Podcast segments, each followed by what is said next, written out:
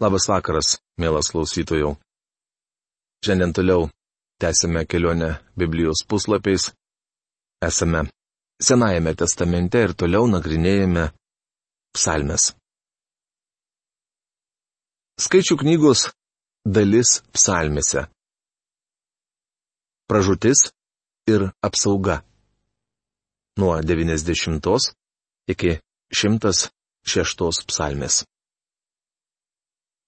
Priejome skaičių knygos dalį psalmino penkiaknygėje. Tai jau ketvirtoji dalis.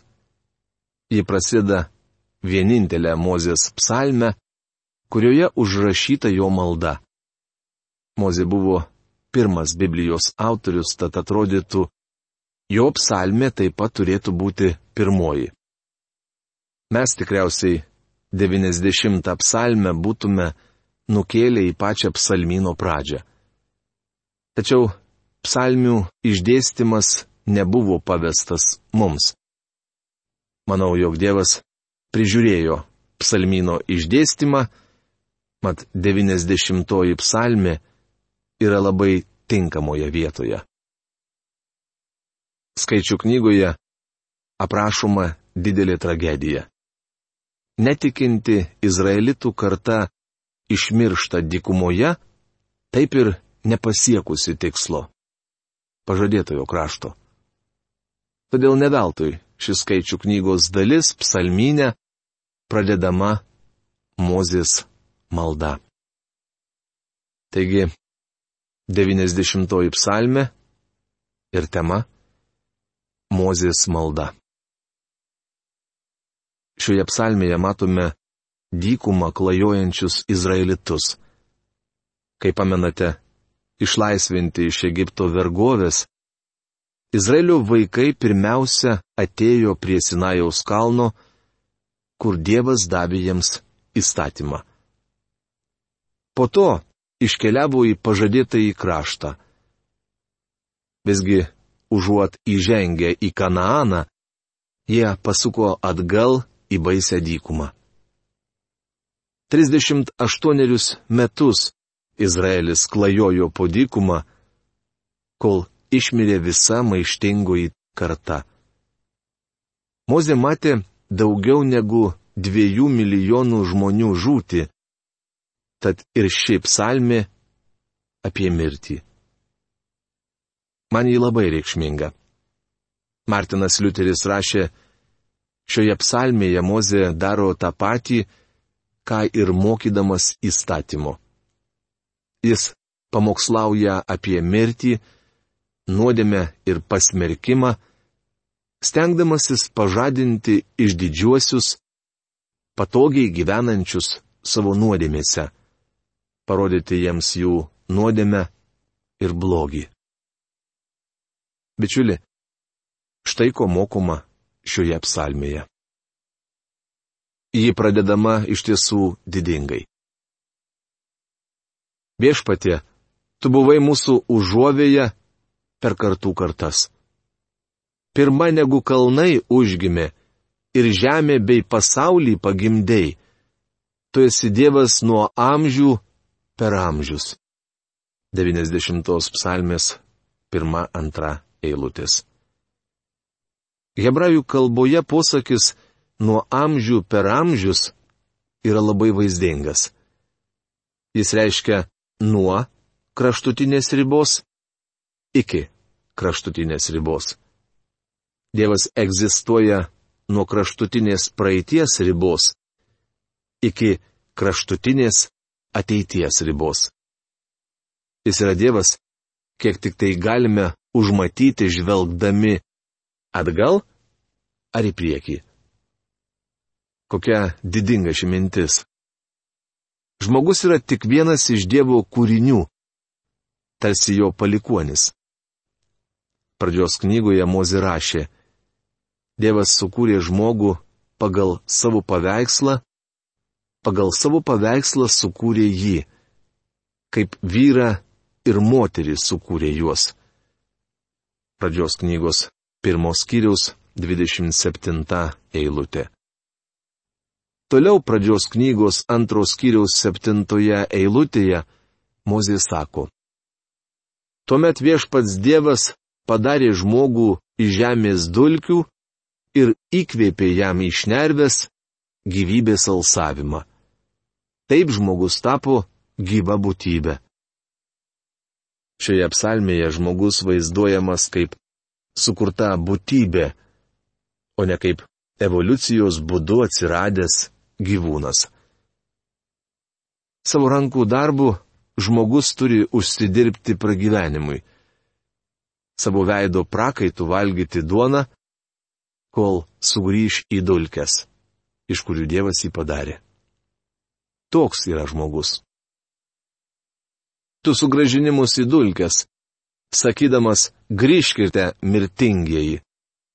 90 psalmės trečia eilutė. Dievas gražina trapų žmogaus kūną į dulkes, sakydamas, grįžk, iš kur atėjai. Juk tūkstantis metų tau lyg viena diena, lyg vakarykštė diena jau praėjusi, lyg viena nakties sargyba. 90 psalmės ketvirta eilutė. Bičiuli, net jei gyventumėte tiek, kiek Metušelachas, vienas iš pirmųjų žmonių, kuris gyveno beveik tūkstantį metų, tai būtų lyg viena nakties sargyba. Tarsi paukštelio perskridimas per apšviestą kambarį, jam įliekus iš tamsos pro vieną langą ir išliekus į tamsą pro kitą. Net jei gyventumėte tūkstantį metų, jūsų egzistencija nebūtų labai ilga. Palyginus su amžinybė, gyvenimas be galo trumpas. Tu užbaigi žmonių gyvenimą miegu, jie lik žolė, kuri auštant išdyksta, rytą sužalioja ir žydi, o vakare nuvysta ir nudžiūsta. 90 psalmės 5-6 eilutės. Štai toks yra žmogus. Dikumoje Mozė matė mirštant daugiau negu milijoną žmonių. Tikriausiai niekas kitas nedalyvavo laidotuvėse tiek daug kartų, kiek Mozė. Izraelio vedlys daug sykių matė, kaip žmogaus kūnas grįždavo į dulkes iš kurių buvo padarytas. Čia norėčiau paliesti ir kitą temą. Esu gavęs keletą laiškų, kurių autoriai teiraujasi mano nuomonės apie kremaciją. Aš nesu kremacijos šalininkas. Nesakau, kad Dievas negali prikelti jūsų kūno iš pelenų. Tačiau kremacija nėra geras tikinčiojo liudijimas. Daugelis netikinčiųjų pietų Kalifornijoje renkasi kremaciją ir nori, kad jų pelenai būtų išbarstyti virš vandenino. Gyvendamas Pasadenoje pažinojau pilotą, kuris dirbo laidojimo biure. Jis sakė, jog daugelis žmonių pageidauja, kad po mirties jų pelenai būtų išbarstyti virš vandenino. Ir tai buvo viena iš jo teikiamų paslaugų. Kodėl žmonės renkasi kremaciją ir prašo, kad jų pelenus laidotojai išbarstytų virš vandenino? Daugelis iš jų nenori, kad jų kūnas būtų prikeltas. Jie mano, jog Dievas daugiau nesugebės jo surinkti. Mano draugė krikščioni, palaidodami Kristuje mirusį artimą žemėje, jūs liudijate pasauliui. Evangelijos pagal Joną 12 skyriaus 24 eilutėje viešpats Jėzus Kristus kalbėjo. Iš tiesų, iš tiesų sakau jums.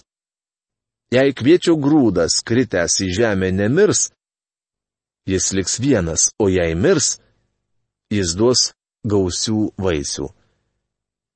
Taip apibūdinama viešpaties mirtis ir prisikėlimas. Palaidodami artimą žmogų jūs pasėjate jo kūną, tikėdamėsi, jog vieną dieną jis bus prikeltas. Primenu, jo kalbu apie tikinčiuosius. Senovėje kapinėmis buvo vadinamos dvi vietos. Pirmoji - užeiga, kur žmonės nakvoja ir antroji - laukas, kuriame siejama sėkla. Juk jūs nedeginate sėklos. Laidodami mirusį, jūs siejate sėklą. Tokiu būdu liudijate, jog tikite Dievo žadėtų prisikelimu ir laukite tos dienos, kai vėl galėsite būti kartu su jums brangiu žmogumi. Tu pasidėjai mūsų kaltes prieš save, savo veido šviesoje slaptasias mūsų nuodėmes. 90 psalmės 8 eilutė. Daktaras Luisas Peryčeferis sakydavo, jog slapta nuodėmė padaryta žemėje, danguje virsta skandalu. Angelai stebėjus. Jie mato visą, ką darote šioje žemėje. Juk visos mūsų dienos praeina tavo pyktyje, mes baigiame gyvenimo metus su atodusiu. 90 psalmės 9 eilutė. Eilutės dalį mes baigiame gyvenimo metu su atodusiu.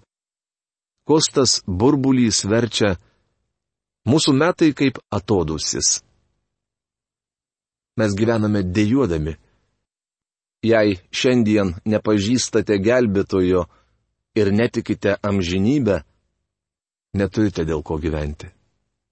Argi ne taip? Tuomet gyvenimas betikslis ir beprasmis.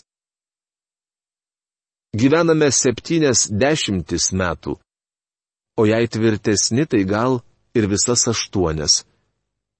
Bet tų metų dauguma tik triūsas ir vargas. Jie greitai prabėga ir mes išskubame. 90 psalmės 10 eilutė. Dažnas išgyvenęs iki 80 metų yra kankinamas reumato, artrito ar įvairiausių kitų lygų. Ir man pačiam tenka paragauti šios duonos. Štai taip apibūdinami žemės gyventojai. Gyvenimui artėjant prie pabaigos, žmogui darosi vis sunkiau ir sunkiau. Mūsų dienos kupinos dūsavimų gera turėti ateitį. Ja turi kiekvienas, patikėjęs Kristumi. Tad mokyk mus skaičiuoti savo dienas, kad įgytume išmintingą širdį. 90 psalmės 12 eilutė. Kristus yra mums tapęs išmintimi. Jo dėka ir jūs esate Kristuje Jėzuje kuris mums tapo iš Dievo kylančia išmintimi, teisumu, pašventinimu ir atpirkimu. Rašoma pirmame laiške korintiečiams pirmame skyriuje, 30 eilutėje. Jei turite Kristų, turite išmintį ir viltį. Te būna viešpaties, mūsų Dievo malonė su mumis Padaryk mums sėkmingą mūsų rankų darbą. Padaryk sėkmingą mūsų rankų darbą. 90 psalmės 17 eilutė. Kaip nuostabu, kad mes galime nuveikti šiame gyvenime kažką, kas bus vertinga amžinybėje. Bičiuli keliaudamas dykumą, Mozė dažnai turėdavo staptelėti kad palaidotų vieną ar kitą tautietį. Tokiu būdu jis susidarė gyvenimo perspektyvą, kokios neturime daugelis iš mūsų. Ši psalmė iš tiesų nuostabi ir labai praktiška. 91 psalmė. Tema - Giesmė apie gyvenimą ir šviesą. 90 psalmė buvo apie mirtį. Šie apie gyvenimą.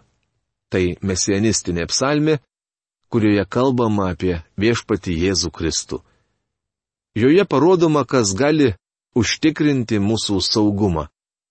Šią psalmę labai mėgsta ir seni, ir jauni Dievo žmonės.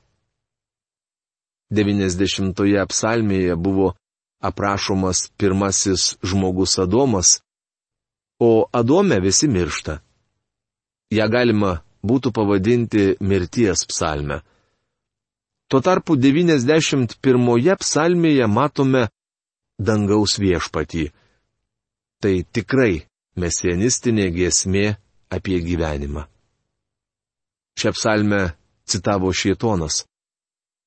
Kai pamatysime velnės, puikiai žino šį psalmino skyrių kas tik gyvena aukščiausiojo pastogėje, pasilieka visagalio pavėsį. Jis sakys viešpačiui mano Dieve, mano prieglauda ir tvirtovė pasitikiu tavimi. 91 psalmės 1-2 eilutės. Gražiai pasakyta, bičiuliai. Jis sakys viešpačiui, mano Dieve, mano prieglauda ir tvirtovė. Čia kalbama apie tą, kuris pirmoje psalmėje buvo vadinamas palaimintų žmogumi, viešpati Jėzų Kristų, tobulą ir šventą žmogų be nuodėmis. Jis visuomet gyvena aukščiausiojo pastogėje. Mano bėda ta, kad aš apsistoju ten tik trumpam, tarsi motelyje, vienai ar dviem naktims. Juk tai jis išgelbės tave nuo medžiotojo kilpos ir nuo mirti nešančio maro. Savo sparnų plunksnomis jis uždengs tave. Po jo sparnais rasi prieglaudą. Jo ištikimybė - dengiantis skydas. Nereikės tau bijoti nakties siaubo, nei strėlės iššautos dieną. 91 psalmės 3-5 eilutės. Vienoje bažnyčioje, kurioje man teko tarnauti pastoriumi, buvo vaikinas, kuris tarnaudamas kariuomenėje pasikliovė šią eilutę. Jis sakė, jog ši eilutė jį sėkmingai sugražino iš kovos lauko. Nei maro, sėlinančio tamsoje, nei rykštės, niokojančios vidudienį. 91 psalmės 6 eilutė. Kitas vaikinas rėmėsi šią eilutę, tarnaudamas laivyno oro pajėgų korpuse. Jis buvo tikrai šaunus jaunuolis, užsitarnavęs aukštą laipsnį, tai buvo jo eilutė. Nors tūkstantis kristų tavo kairėje ir dešimt tūkstančių dešinėje, tavęs niekas nepasieks. Tu žiūrėsi ir matysi, kaip baudžiami nedorėliai. 91 psalmės 7-8 eilutės. Manau, šiomis eilutėmis gali naudotis Dievo žmonės ir daugel kartų Dievas yra juos sustiprinęs. Tačiau iš tikrųjų čia kalbama apie mūsų viešpatį.